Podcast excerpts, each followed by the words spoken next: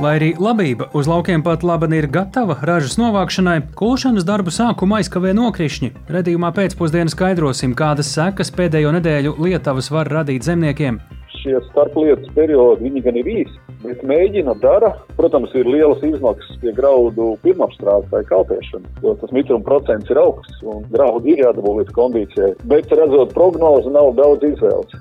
Ar ko skaidrojami pēdējo dienu dronu triecieni Maskavā, un vai ASV noteiktie ieceļošanas ierobežojumi Ungāriem ir vairāk formāli vai tomēr skaidrojami ar ko citu? Arī par to jau pēc brīža dzirdēsim raidījumā pēcpusdienā kopā ar mani Tāli Eipuru.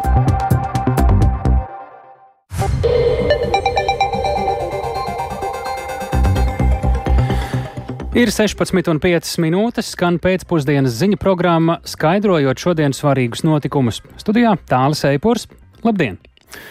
Valsts prezidents Edgars Rinkēvičs vēstulē premjeram aicinājis izmaksāt kompensāciju Jēkabpils pusē nogalinātās sievietes nepilngadīgajiem bērniem. Viņš norāda, ka šis gadījums izgaismojis, ka varas iestāžu skaidrošanās un vainīgo meklēšana citur, bet ne tikai pie sevis, spilgti apliecinājusi, ka valsts nav spējusi aizsargāt demokrātiskās sabiedrības augstāko vērtību - cilvēka dzīvību. Kā Latvijas radio informēja Tieslietu ministre Inese Lībiņa Egnere, šīs jautājums jau ir valdības darba kārtībā un prezidenta iesaistē var atvieglot lēmumu virzīšanu valdībā. Es esmu uzdevusi Tieslietu ministrijai sagatavot ministru kabineta rīkojumu projektu, kompensējot to morālo aizskārumu un arī fiziskās ciešanas, to, ka pirmkārt nepilngadīgie bērni ir arī palikuši bez mātes, jo pēc būtības šī ir īpaša situācija, kas atšķiras no citiem tikpat traģiskiem iespējams gadījumiem, kad persona zaudē dzīvību varmācības situācijā, ka tomēr šī atbildes reakcija no valsts netika saņemta. Tad arī mēs politiski šobrīd lemjam par kompensāciju. Jo krimināla procesā, protams, ir iespējams šādu kompensāciju prasīt, bet šī iespējamā ministra kabineta rīcība, es ceru, ka visi ministra kabineta locekļi atbalstīs, būtu tāda, ka tā nebūtu krimināla procesa ietvaros, tas būtu ministra kabineta vienreizējs lēmums, tāds kāds līdz šim šādā situācijā tas nav bijis. Šī ir prezidenta ideja, vai tā ideja jau pirms šodien sūtītās vēstules ir jau tikus kustināta? Šī ideja tā ir bijusi izteikta, un es arī pati to esmu atbalstījusi. Līdz ar to es esmu ļoti gandarīta, ka valsts prezidents to šodien ir aktualizējis, un es ceru, ka tas ir atvieglos šāda lēmuma virzīšanu ministru kabinetā. Mēs uh, ziņās lasām, un arī prezidenta mājaslapā, ka viņš mudina šo naudu piešķirt nepilngadīgajiem bērniem.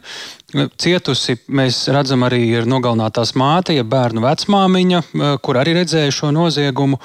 Un mēs redzam, ka mana balss LV arī ir iniciatīva, ka nevis nepilngadīgajiem bērniem, bet cietušajiem piešķirta kompensāciju.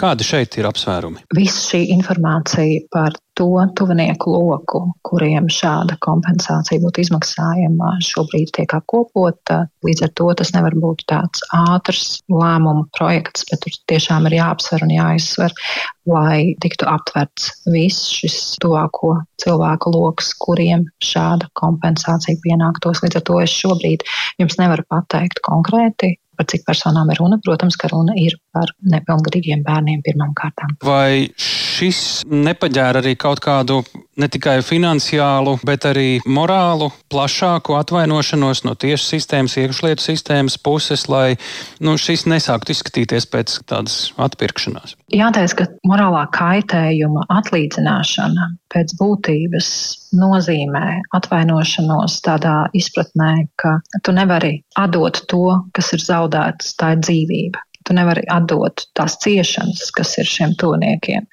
Bet ar atvainošanos vien tā sajūta, ka kaut kādā ziņā ir kompensēts tas zaudējums, arī nav pilnīgi. Līdz ar to tiesību sistēmā ir tāds morālā kaitējuma atlīdzināšanas nu, pienākums, kas ir aprēķināms naudā. Protams, no morāla ētiskā viedokļa tas paģēra arī dzen patiesu atvainošanos vārdos un darbos. Pirmkārt, tas ir pienākums darīt visu, lai nekad nākotnē kaut kas tāds nevarētu atkārtoties. Un te, manuprāt, visi iesaistītie, tā skaitā arī es kā tieslietu ministre, daru to, ka gan no likuma viedokļa, gan no amatpersonu rīcības viedokļa šāda atkārtošanās nebūtu iespējama. Tas ir pirmām kārtām. Otrām kārtām šai nožēlē ir jābūt patiesai. Ir vairākas dienas izmeklēšanas ierosinātas un tiek lemts par to, vai kāda no amatpersonām arī dzen būtu saucama pie atbildības. Un arī šīm amatpersonām iesaistītajām būtu arī dzen nu, jānožēlo tas nodarītais un jāatzīst savus pārkāpumus. Tā tieslietu ministre Inese Libiņa Egnerē, komentējot šīs dienas valsts prezidenta Edgara Rinkēviča vēstulē pausto aicinājumu premjeram izmaksāt kompensāciju Jēkabpils pusē nogalinātās sievietes nepilngadīgajiem bērniem. Bet vai ilgi gaidītās reformas veselības aprūpē Latvijā izkustējušās no vietas? Pēc slimnīcu reformas slimnīcu skaits Latvijā paliks nemainīgs. Tomēr atkarībā no pakalpojumu klāsta tās sadalīs piecos līmeņos. Šādas izmaiņas piedāvā Veselības ministrija. Pirms nedēļas informatīvais ziņojums par to nodots saskaņošanai iesaistītajām pusēm, un drīzumā reforma tiks skatīta arī valdībā. Vairāk par to stāsta Skirmante Balčūte. Jā, reformas slimnīcu tīklā veiktas pamatojoties uz datiem par sniegto veselības aprūpi, pacientu skaitu, iedzīvotāju skaitu un medicīnas personālu. Atkarībā no tiem slimnīcas sadalītas piecos līmeņos, kuri tad arī nosaka tajās sniedzamo pakalpojumu klāstu un attiecīgo finansējumu. Pārmaiņu rezultātā pacienti un finansējums tiks pārvirzīts sadarbības tīkla ietvaros uz atbilstošu ārstniecības iestādi. Uzņemšanas nodaļas tiks pārdēvētas par neatliekamas palīdzības nodaļām, kur būs dežurārsti un pacienti tiks izmeklēti. Galvenais reformas mērķis ir stiprināt un uzlabot neatliekamu palīdzību, skaidro veselības ministre Līga Mengelsone. Mūsu galvenā rūpe šobrīd ir tikai un vienīgi pacientu drošība, tāpēc uh, tas arī ir šī plāna pats pats galvenais uh, jautājums. Tālāk, protams, ir arī pati sistēmas drošība, pat arī ārsts un mārsts un mārsts palīgi un viss, kas strādā sistēmā. Bet pirmām kārtām mums jābūt pilnīgi pārliecinātiem, ka pacientiem, ja notiek neatliekama medicīniska nepieciešamība pēc palīdzības, tad tā palīdzība tiek sniegta maksimāli ātrākajā, labākajā veidā. Tieši tāpēc mēs arī šobrīd par ilgtermiņa mērķi esam izvirzījuši vērtībā balstītu veselības aprūpi. Tā ir konkrēts saturs ietvers, kas ir saistīts ar pieejamo resursu taisnīgu, ilgspējīgu un pāredzamu izmantošanu, lai mēs sasniegtu labāko rezultātu katram cilvēkam. Reforma paredz pārtraukt grūtnieču un dzemdību palīdzību Dobeles un apkārtnes slimnīcā, kā arī Balvu un Gulbenes slimnīcu apvienībā, novirzot pacientes attiecīgi uz Jelgavas un Rēzeknes slimnīcām. Traumatoloģijas un ortopēdijas profilu paredzēts nodrošināt augstākā 4. un 5. līmeņa slimnīcās, kā arī atbilstoši geogrāfiskai lokalizācijai Jēkabils reģionālajā slimnīcā. Savukārt Preļu un Siguldas slimnīcās esošais ķirurģijas gultu skaits stacionāros ir atzīts par nerentablu un neatbilstošu izvirzītajiem kritērijiem, tāpēc ķirurģijas profilē pacientus plānots novirzīt attiecīgi uz Daugavpils reģionālo slimnīcu un Rīgas Austrumu Klinisko universitātes slimnīcu. Savukārt pediatrijas profilu plānots saglabāt visās otrā līdz piektā līmeņa slimnīcās, kuras varēs nodrošināt nepieciešamos kritērijus. Pretējā gadījumā tajās tiks saglabāts pediatrs neatliekamās medicīnas nodaļās un pacientu observācijā. Tā skirmante Baļķūte, bet kā slimnīcu reformas mērķus un iecerētos rezultātus vērtē pašās slimnīcās? Lūk, ko kolēģim Kristapam Feldmanim sacīja slimnīcu biedrības vadītājs Jevgeņijs Kalējs. Nu, kopumā šodienas preses konferencē bija izklāsts tam dokumentam, kas ir uzrakstīts. Tur jau nebija pārāk daudz to risinājumu. Tur bija tikai pieņēmums, ka šos pacientus, nu, dzemdību pacientus, traumu pacientus novirzīsim uz citām slimnīcām. Bet novirzot uz citām slimnīcām, tam paralēli tam ir vajadzīgs noteikti diezgan detalizēts izvērtējums. Pirmkārt, kā tas pacients tur nokļūs un kā būs uh, tas samaksas veids. Jo patreizējā brīdī pie patreizējiem tarifiem, kāda ir veselības aprūpē, katrs pacients, liekas pacients slimnīcā rada tikai un vienīgi zaudējumus. Jo starpības starp veselības ministrijas samaksu un slimnīcu izmaksu ārstējot pacientu ir aptuveni 900 eiro. To mēs kopā pirmajā Eh, kvartālā rēķinājām kopā ar veselības ministrijas finansistiem un ar veselības ministrijas Bet pārstāvjiem. Tad kopā tas ir izsnāts, tad tā sadarbība notiek. Eh, nevarētu sūdzēties par to, ka tas tiek viss virzīts bez kaut kādas sadarbības ar slimnīcām un, un, un citiem pārstāvjiem. Nu, teiksim tā, nu, saņemot šo dokumentu faktiski vienu stundu pirms sanāksmes sākuma, ja mēs to varam uzskatīt par sadarbību, tad jā. Bet eh, nu, tomēr ir vajadzīga. Ilgtermiņā nav bijusi šāda sadarbība, tikai pēdējā brīdī. Nē, mēs esam pēdējo šo dokumentu mēs saņēmām iepriekšējās dienas uh, puspiecos vakarā, kur otrā rītā desmitos mums jau bija paredzēta sanāksme ar veselības ministriju un šī dokumenta komentāri un analīzes. Un, protams, mūsu analīze, ko slimnīcas vadītāji tagad iesniedza tapā, ir uz 20 lapusēm. Uh mhm. -huh. Un, eh, nu, protams, tad, tad es saprotu, vēl ir jā, vajadzīgas diskusijas un runāšana. Nu, vai jūs redzat eh, noslēgumā, tad pavisam īsi, cik ātri ir iespējams šo slimnīcu tīklu sakārtošanu noslēgt un kur tā vedīs? Pēc tā projekta, kāds ir eh, uzrakstīts, tas nav ātrs process, jo pats galvenais ir cilvēku resursi. Mums nav tādu ārstu un tādu māsu, ar ko mēs varētu patreizējā brīdī stiprināt uzņemšanas nodaļas, tas kā tas ir paredzēts projektā, un par šādu darba samaksu, diemžēl ārsti nevēlas strādāt nodaļās. Tā darba samaksa ir pārāk zema - 1500 eiro uz rokas. Tā slimnīcu biedrības vadītājs Evgeņijs Kalējs sarunā ar kolēģi Kristapu Feldmani, un tas par lēnām un tomēr pārmaiņām Latvijas slimnīcu sistēmā. Bet daudz straujāks pārmaiņas notikumos ārpus Latvijas. Francija šodien sāk savu pilsoņu evakuāciju no Rietumāfrikas valsts Nigēras. Turpēc pagājušajā nedēļā notikušā militārā apvērsuma ir izcēlušies pret Franciju vērsti protesti. Turklāt Nigēras kaimiņu valstis Mali, un Burkina Faso ir paziņojušas, ka jebkādi ārēji mēģinājumi ar spēku atjaunot amatā Nigēras gāsto prezidentu Mahmudu Bazumu tiks uzskatīti par kara pieteikumu arī šīm valstīm. Plašāk klausāmies Ulda Ķeizbera ierakstā.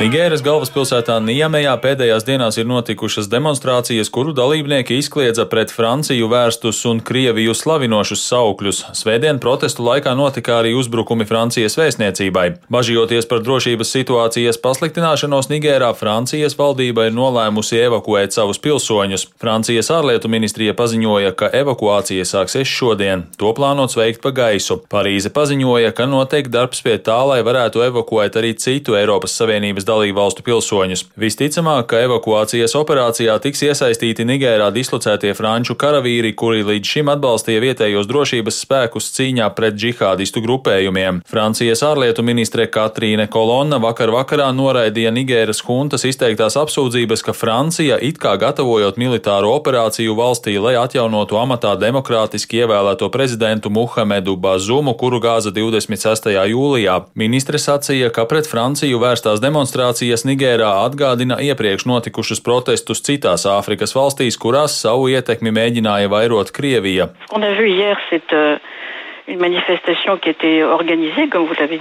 Mēs redzējām organizētu, nevis spontānu, vardarbīgu un ārkārtīgi bīstamu demonstrāciju ar molotovu kokteļiem, Krievijas karogiem un pret Franciju vērstiem saukļiem, kas jau agrāk ir redzēti citur. Diemžēl šeit ir manāmas visas ierastās sastāvdaļas Krievijas centieniem destabilizēt Āfriku. Nigērā kaimiņos esošās Mali un Burkina Faso, kur arī pie varas ir militāristi, paziņojušas, ka uzskatīs par uzbrukumu sev mēģinājumus militāri iejaukties Nigēras krīzes risināšanā. Abu valstu kopīgajā paziņojumā uzsvērts, ka militārai intervencei Nigērā būtu postošas sekas, kas varētu destabilizēt visu reģionu. Šādi Mali un Burkina Faso reaģējušas uz Rietumāfrikas valstu ekonomikas kopienas svētdien izteikto ultimātu Nigēras huntai, kurai ir dota nedēļa laika, lai atjaunotu amatā prezidentu Bazumu. Kopiena brīdināja, ka šīs prasības neizpildīšanas gadījumā reģiona valstis var pielietot arī militāru spēku, lai atjaunotu konstitucionālo kārtību Nigērā. Vairākas valstis, tostarp ASV un Vācija, ir paziņojušas, ka pārtrauc finansiālo palīdzību Nigērai līdz brīdim, kad amatā būs atjaunots līdzšinējais prezidents. Nigēra ir viena no nabadzīgākajām valstīm pasaulē, tāpēc ārvalstu finansējuma zaudēšana var izraisīt humanitāro krīzi valstī. Uldis Česberis, Latvijas Latvijas radio. Amerikas Savienotās valstis ir būtiski ierobežojušas Ungārijas pilsoņu iespējas ieceļot savā teritorijā bez vīzes. Vismaz formāli tas ir tādēļ, ka Ungārijas premjera Viktora Orbāna valdība pēdējos gados ir dāsni piešķīrusi pases Ukrainas, Rumānijas, arī citu valstu pilsoņiem ar ungāru izcelsmi, pienācīgi nepārbaudot viņu identitāti. Te gan jāpiebilst, ka amatpersonām Vašingtonā nepatīk arī oficiālās Budapeštas vēlme uzturēt saikni ar Krieviju un nesteigšanās atbalstīt Zviedrijas iestāšanos NATO. Plašāk par to ir gatavs pastāstīt mūsu kolēģis Arķoms Konohaus. Ar viņu esam sazinājušies tiešraidē. Sveiks, Arķom! Kā īsti izpaužas šie jaunie ASV ierobežojumi Ungārijas eh, pilsoņiem ieceļot eh, ASV teritorijā bez vīzes? Labdien, tā, labdien, klausītāji! Parasti, lai dotos uz ASV bez vīzas, ir nepieciešams aizpildīt īpašu elektronisko formu. To noteikti pazīst arī daudz Latvijas iedzīvotāji, kas ir bijuši Amerikā. Un parasti tā ir derīga divus gadus un ļauj daudzkārt iebraukt Amerikas teritorijā uz laiku, kas nav ilgāks par 90 dienām, tad aptuveni 3 mēnešiem. Un Ungārijas pilsoņiem tagad eh, elektroniskā atļauja tiks izsniegta tikai uz vienu gadu, un tā būs derīga tikai vienam, nevis vairākiem braucieniem. Tā ir tā lielākā atšķirība atšķirība. Un jāsaka, ka ierobežojumi attieksies uz pasēm, kas ir izsniegtas 9 gadu laikā starp 11 un 20 gadu, jo šajā laikā Ungārijas valdība ir plaši izsniegusi pases vienkārši tās naturalizācijas kārtībā gan rumāņiem, gan ukrāņiem, gan serbiem, tad pārsvarā kaimiņu valstu iedzīvotājiem ar ungāru saknēm, un Amerika jā, tik tiešām uzskata, ka viņu identitāte nav pienācīgi pārbaudītas, un pases varētu būt saņēmuši arī dažādi noziedznieki un krāpnieki ienaidnieki, kas varētu apdraudēt arī Ameriku un tās drošību. Un jāsaka, ka Ungārija būs vienīgā no 40 valstīm, kura pilsoņi var ieceļot ASV bez vīzas, uz kura tagad attieksies šie ierobežojumi. Kā tas tiešām ir kaut kas ārkārtējs un īpašs. Jā, Arčom, runājot uh, vēl, turpinot šo tēmatu, kāpēc, uh, nu, tavuprāt, uh, Viktora Orbāna, Ungārijas premjera valdība ir izvēlējusies nu, tā īsti nereaģēt uz šiem Vašingtonas brīdinājumiem?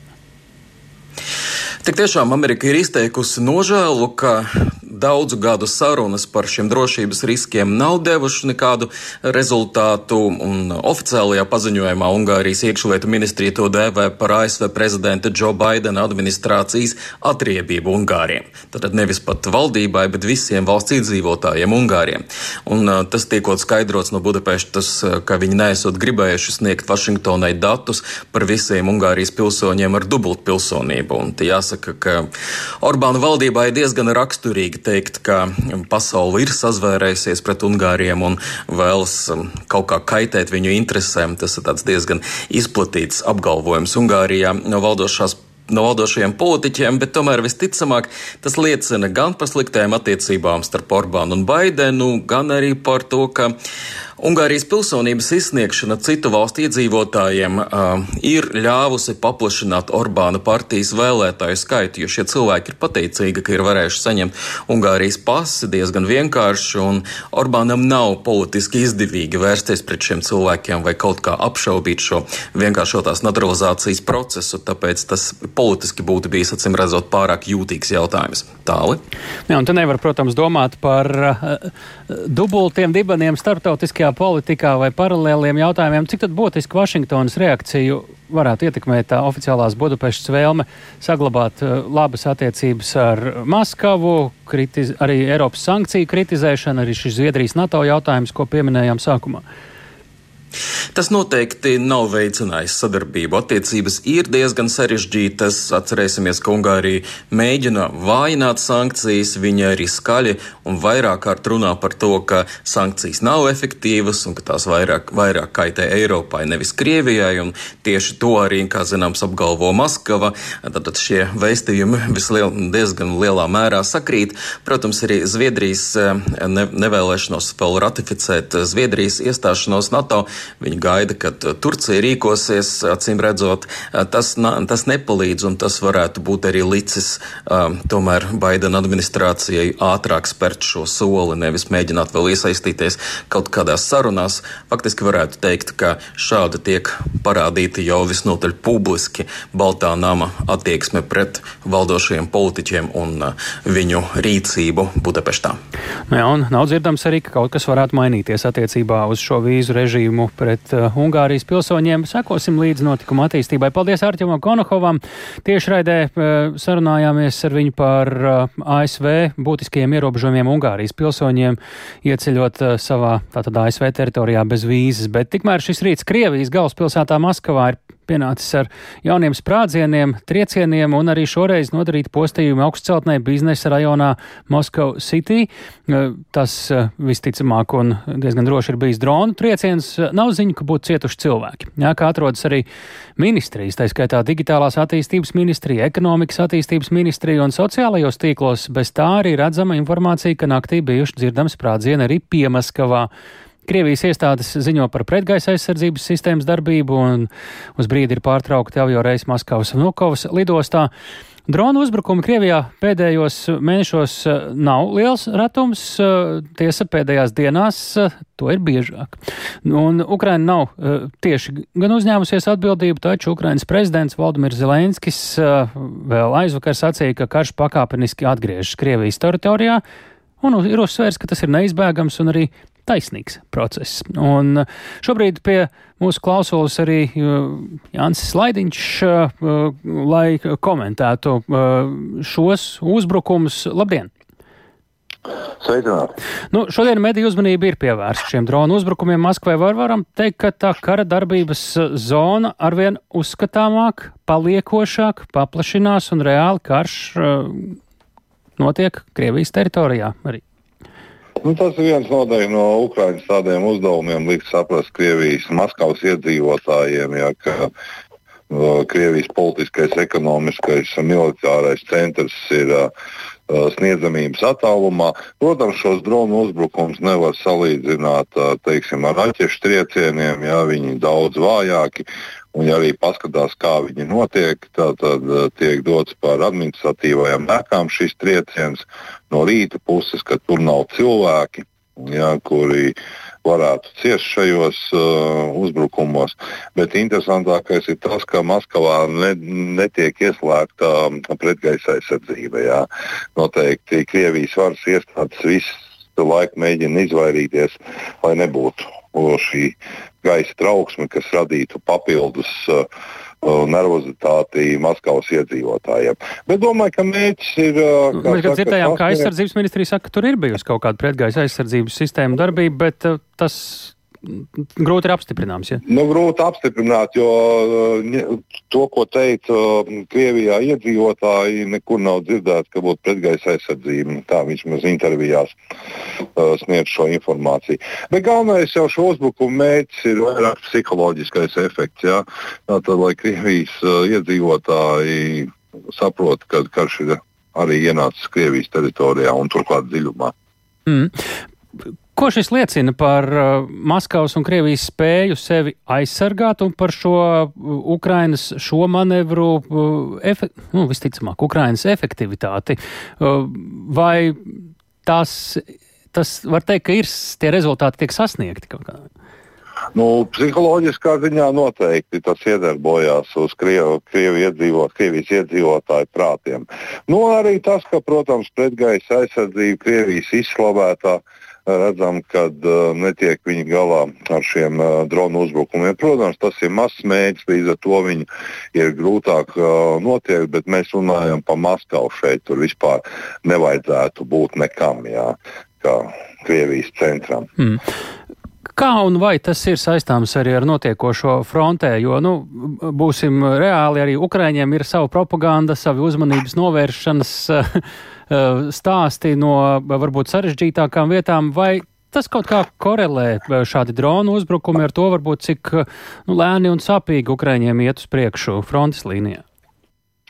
Nu, protams, nu jārēķinās, ka Ukraiņai, Ukraiņas spēkiem ir jālaužās cauri uh, sagatavotai aizsardzībai, un uh, tik viegli neiet tur kā rietumos vēl arī daudz plašsaziņas līdzekļi, ja, būtībā pūš Krievijas šī tabulē, ja, un visu laiku kāpēc tik lēni, kāpēc tik lēni tas viss notiek. Un tas, protams, ir arī spiediens uz Ukraiņas politisko vadību, noteikti, ja, kuriem ir uh, visu laiku jācitās no šāda veida um, jautājumiem. Sanāk, ka arī Latvijā žurnālisti, kur vaicā, kāpēc tik lēni notiek nejauši kopēja Krievijas propaganda, man ar sanācija. nu, būtībā, jā, nu, ja cilvēkiem ne, godīgi jāpasaka, jā. Mēs jā, ka, sanāk tā. Ka ir, tā sanāk, jā, nu, bet uh, tas ir kara lauks, jā. Uh, kuru nav tik vienkārši uzvarēt. Turklāt mhm. Krievija mm -hmm. jau nav tik vāja, ja, un viņai bija laiks visus šos mēnešus veidot šo aizsardzību. Ja. Viņi apzinājās, kur būs šis trieciens. Nu, tāpēc arī ir tas, kas ir. Jā. Nu, mm -hmm. Nebūs tā, ka aizies uzreiz. Tāpēc Ukraiņi piekop šo taktiku, cenšoties vājināt Krievijas spēku apgādi. Jā un tādā veidā. Lielas paldies par sarunu. Līdz citai reizei sakām Zemesardzes štāba virsniekam Majoram Jānim Slaidiņam. Bet kāda ir Nacionālā teātra plāni pēc Elmāra Seņkova aiziešanas no mākslinieckā vadītāja amata? Un labība uz laukiem Latvijā ir gatava novākšanai, bet Lietuva dēļ tai nevar tikt klāt. Šie un citi temati ir raidījumā pēcpusdiena turpmākajās minūtēs.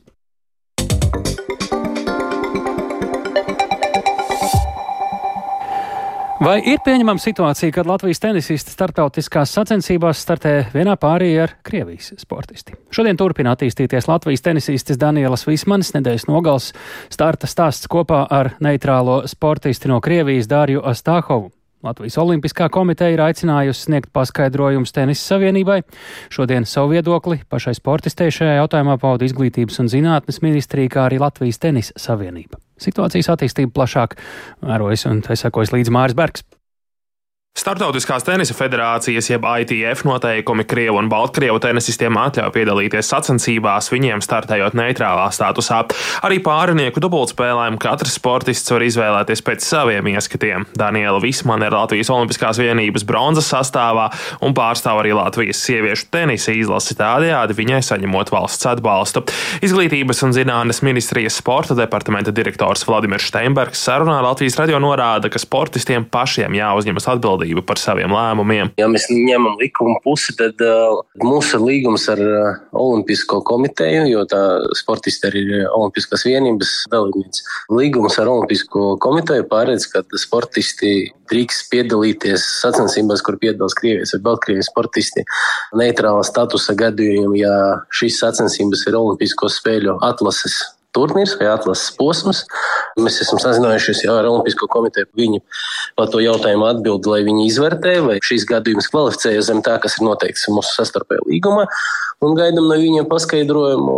Savukārt, ētiska puse, nu, protams, ka mēs neatbalstām tādus gadījumus, bet uh, mums jāatcerās, ka sportistiem pašiem lielie cilvēki paši par sevi var atbildēt. Un, ja viņi nepārkāp likumu, tad mēs nekādīgi to arī īpaši ietekmēt nevaram. Latvijas tenisa savienība vakar vēl ne nebija gatava komentēt šo situāciju, bet šodien organizācijas ģenerālsekretārs Jānis Mēlups Latvijas radio pastāstīja, ka tenisa savienības sportistiem neko nevar aizliegt, taču rekomendācijās vēlreiz uzsvērts un atgādināts par valsts nostāju abu agresoru valstu neitrālo sportistu jautājumā. Mums nav tādas pilnvaras, ka mēs varētu aizliegt. Tas nav pret likumu, ja, bet ir no etiskās, morālās skatu punkta skatoties, pilnīgi noteikti es arī veicu pārunas ar Danielu par šo jautājumu. Viņa ir teikt, sapratusi savu nostāju un savu kļūdu. Viņa vairāk skatās uz tiem sportiskiem rezultātiem, ka viņa ar to meiteni ir pazīstama jau ilgus gadus. Un viņa ir sapratusi mūsu valsts nostāju, mūsu to, ka viņa ir loks spēlētājs, loks sastāvs un arī gal galā tenisa savienības rekomendācijas. Bet risināsim uz priekšu to visu un veiksim, veiksim teiksim, pārunas par to, lai, lai šādas situācijas neatkārtotos. Turpmāko dienu laikā arī tiks izvērtāts, vai Vismanas rīcība nav bijusi pretrunā ar līgumu, kas noslēgts starp Latvijas Olimpisko komiteju un Izglītības un zinātnes ministriju, tam reglamentējot nosacījumus startēšanai vienās sacensībās kopā ar agresoru valstu sportistiem. Māris Bergs, Latvijas radio. Vai Rīgas domas lielākā frakcija par progresīvie pārvaldīs pusi no pašvaldības atbildības sfērām? Par to savā frakcijā šobrīd spriež progresīvie, kuri izskata vakar jaunās vienotības piedāvāto kompromisu progresīvo pārziņā nodot pilsētas attīstības komiteju. Notikumiem domē līdzi sako kolēģis Viktors Demīdovs. Ar viņu šobrīd esam sazinājušies. Sveiks, Viktor! Nu, pastāsti, ko tu esi šobrīd noskaidrojis par progresīvo gatavību piekrist jaunās vienotības priekšlikumam. Es saprotu, viņiem šobrīd arī pašiem savu apspriedi. Jā, sveiks tāls, sveicināt Latvijas radio klausītājus. Šobrīd atrodos Rīgas rācnamā, kur lielākā frakcija par progresīvie savā starpā izrunā vakardienas priešlikumu viņiem vadīt ceturto no kopumā astoņām domas komitejām. Un runa ir par pilsētas attīstības komiteju, ko uh, vada jaunā vienotība. Un uz frakcijas sarunu politiķi ieradušies kā ierasts šķietami pacelātā noskaņojumā, viens otru priecīgi sveicinot. Un, ja runājam par vakardienas piedāvājumu, tad frakcijas deputāti par to bija izvairīgi. Uh, komentēt tātad īpaši negribēja. Un vienīgais uh, frakcijas vadītāja vietniece Justīna Panteļēva norādīja, ka jaunās vienotības priekšlikums neatbilst viņu redzējumam, ka Rīgā trīs vicemēru vietā ir jābūt tikai vienam vicemēram. Kopumā politiķi norādīja, ka viņiem vispirms ir jāizrunā ar pārējām trim frakcijām, tātad ar jauno vienotību Nacionālo apvienību Latvijas reģionu apvienību un deputātu bloku kods Rīgai. Un tikai tad viņi nāks klajā ar savu redzējumu medijiem. Un tas gaidāms rīt, kad visas četras frakcijas tiksies kopā. Un, lai gan piedāvājums, manuprāt, šķiet pievilcīgs, tāda tā ceturtā um, komiteja, iespējams varētu būt tā, ka progresīvie no piedāvātās komitejas atsakās, jo, kā jau viņi iepriekš norādīja, vicmēri var iejaukties komiteju darbā. Un tātad tas, cik daudz komiteju frakcijai būs, var nebūt īpaši svarīgi, jo likteni var noteikt vicmērs. Savukārt, ja vicmēru skaitu samazina, tad progresīvi uzskata, ka domas pārvaldība varētu būt krietni labāka. Ko no domas notikumiem varam secināt, vairāk lūdzu paklausīsimies politoloģiju un Rīgas Stradiņa universitātes profesoru Ilgu Kreitusi ja mēs runājam, ka tiek iedota pusi no komitejām. Ziniet, tas man vairāk atgādina to, ka viena daļa no jaunās vienotības ir zināmā apmulsuma stadijā un nezina, kā īsti ko darīt Rīgā, lai nezaudētu savu popularitāti turpmākajos eh, pāris gados līdz pašvaldību vēlēšanām. Jo, ja ir plāns un ja ir darbība, rīcība, ar ko tu vari veidot un papildināt partijas popularitāti un, un parādīt partijas spēju strādāt, tad komitejas atdošana ievērošana ir pilnīgi nesaprotama rīcība no politiskās loģikas viedokļa. Bet ja šī plāna nav un rīcība, kā mēs redzam šobrīd, ir ļoti saraustīta, nesaskaņota, nesabalansēta, tad patiešām ļoti viegli būs pēc tam pateikt, ka redziet, kā progresīvie nevarēja nostartēt un nevarēja būt. Tālūk Rīgas Tradiņu universitātes profesora Ilga Kreituse. Jā, Viktor, vai mēs varam nospraust šeit arī kādu galēju punktu laikā vai saturā, cik tad ilgi vai līdz kurai vienošanai vēl varētu šīs sarunas notikt, un vai līdz ar to varētu iezīmēt arī, kad Rīgai beidzot varētu būt mērs? Jā, nu es aprunājos ar pāris domas deputātiem un, un, un vispār kopumā ar domas pārstāvjiem. Viņi norādīja, ka tad progresīvie sarunas vispār kopumā vēl garumā, un ja runājam par izdevīgumu, kurš no šī ilgā procesa ir ieguvējis, tad ir grūti pateikt un redzams, ka progresīvajiem visu laiku kaut kas pietrūkst. Un e, jaunā vienotība ir gatava spērt tādu soli, kas domē raisa izbrīnu, tik dāsnu piedāvājumu neviens nesot gaidījis. Un, lai gan iepriekš izskanējis, ka progresīvie vēlas mainīt politisko eh, vadību tieši satiksmes lauciņā, šāds scenārijs nenotiks, un tā man teica domē. Ja runājam par konkrētiem termiņiem, tad sagaidāms, ka mērs Rīgai būs ievēlēts šī mēneša laikā, tā man teica pašvaldībā, un precīzāk prognozē profesora Kreitus, uzskatot, ka skaidrāk saprises iezīmēsies pēc 15. augusta, kad sagaidāms, ka parādīsies politisko spēku izkārtojums valdībā. Un, lai gan Rīgas domē politiskie spēki varētu vienoties, izskan arī bažas, ka progresīvie mēģinās jauno mēru gāzt. Arī tādas ziņas no Rīgas domas. Sakām lielu paldies Viktoram Demīdovam tiešraidē turpat aiz durvīm no apspriežu zāles, bet uh, atklāta Latvijas Nacionālā teātra 105 sezona, un eh, tāpat jau vairāk nekā nedēļu teātrī savus amatu pienākumus veic jaunais direktors Māris Vītols. Tomēr drīz pēc viņa stāšanās amatā teātra ilgadējais režisors Elmārs Senkovs. Mēs redzam, ka aiziet no Latvijas Nacionālā teātra mākslinieckā vadītāja amata, jo tomēr nav varējis ar Vītolu vienoties par teātra turpmāko darbības modeli. Par teātra jaunās sezonas plāniem un to, vai un kā mākslinieckā vadītāja aiziešana no amata ietekmēs teātra turpmāko darbību plašāk Agnijas Lāsdiņas ierakstā.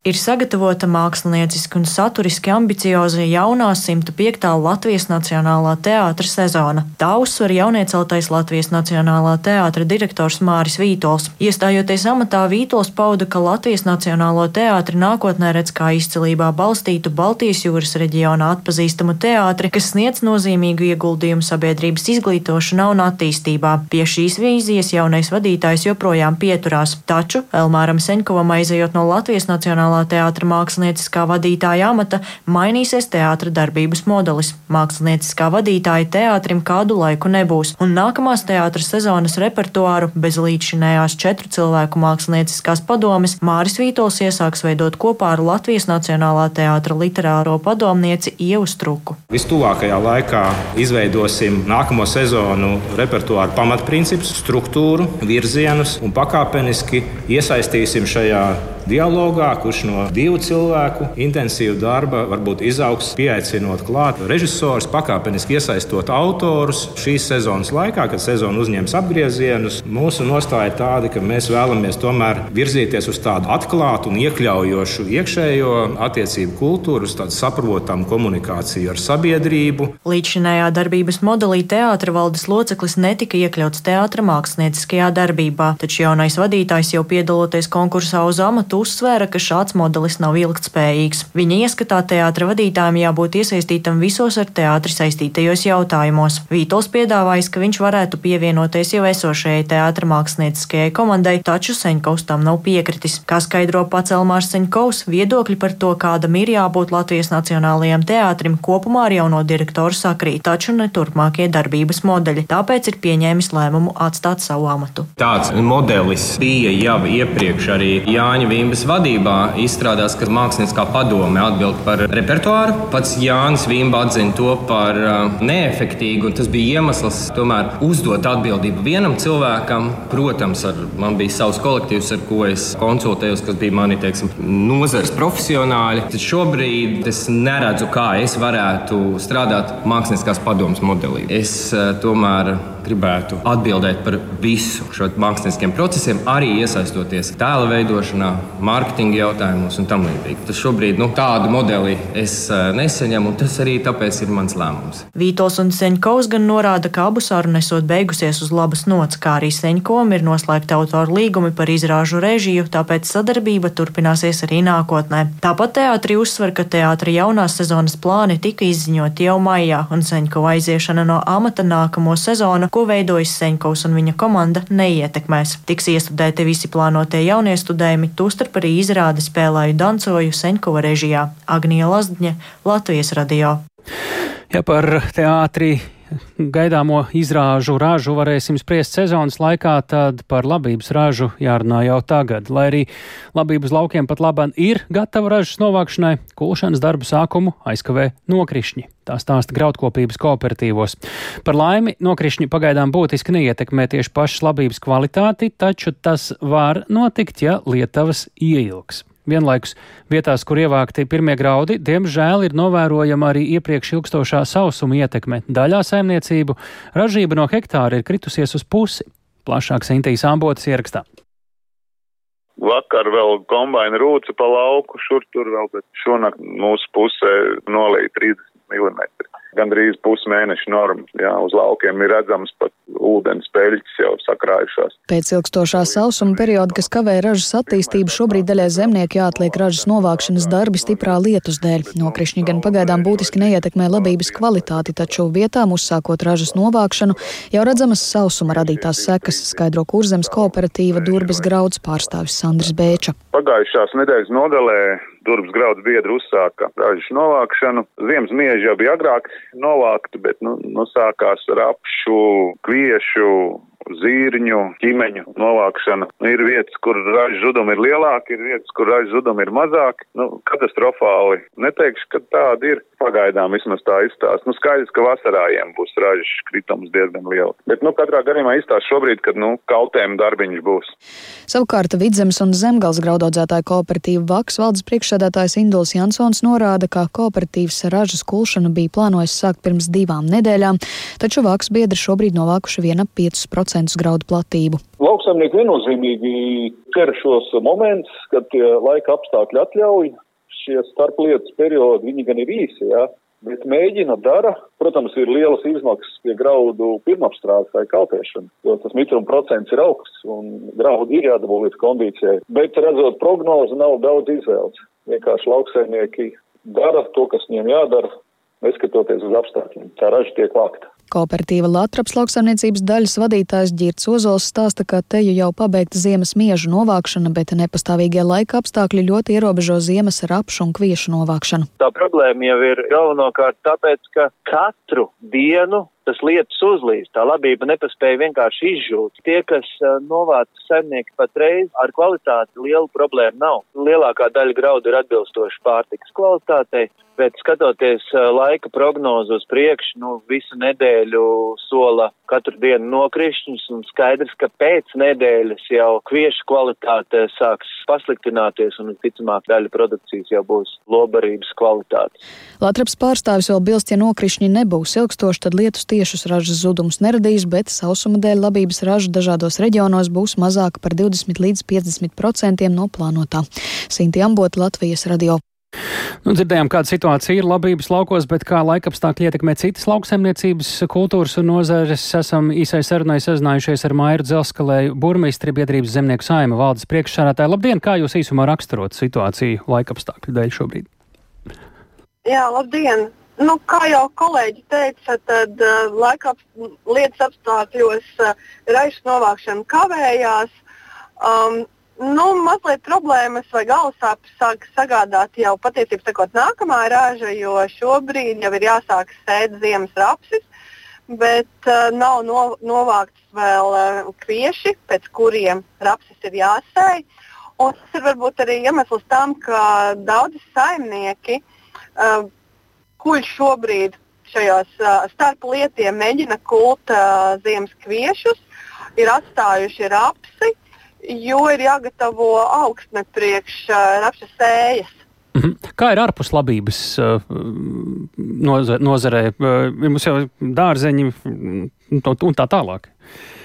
Jā, um, nu, vēl ir uh, attiecībā uz lopkopību. Jā. Uh, Tā kā mēs zinām, ka šajos dēļ sausuma ļoti grūti šodien, šogad saimniekiem bija savākta lobarību. Uh, Šobrīd zāle ir sākusi augt, un, nu, bet atkal lietas traucēja novākt. Tā kā saimnieki um, sūdzās par to, ka tad, kad bija ska skaidrs laiks, kurā varēja savākt sienu un skāpt sienu, tad nebija ko vākt. Šobrīd ir ko vākt, bet īsti netiek uz lauka. Nu, bet tā kā zāles sāk augt un, ja laika apstākļi uzlabosies, tad vismaz varēs nu, sākt papildināt lobarības krājumus. Eh, dārzeņiem eh, nu, drīz būs eh, vai tuvojās jau tīpolu novākšanas laiks un, un ķiplokus šobrīd vāc. Nu, arī būtu nepieciešams, protams, sausa laika apstākļi. Mazliet, mazliet darbi kavējās un, un daudz vairāk jāpiepūlās, ir, mm. lai izžāvētu novākto rāžu. Nu, prognozes tuvākajai nedēļai nav pārāk optimistisks attiecībā uz nokrišņiem. Skatīsimies, kā būs tālāk. Sakām paldies Mairai Dzelskalējai, burmistrei, biedrības zemnieku saima valdes priekšsādātāja vietniecei. Šis bija ziņu raidījums pēcpusdienu. To veidoja Tāls Eipurs, Kārlis Dagilis, Krišjānis Stikāns, Rita Kārnača. Un, ja vēlties šo raidījumu klausīties sev ērtā laikā, ņemiet talkā Latvijas radio mobilo lietotni, meklējiet dienas ziņas. To var darīt arī lielākajās raidierakstu platformās. Līdz rītam!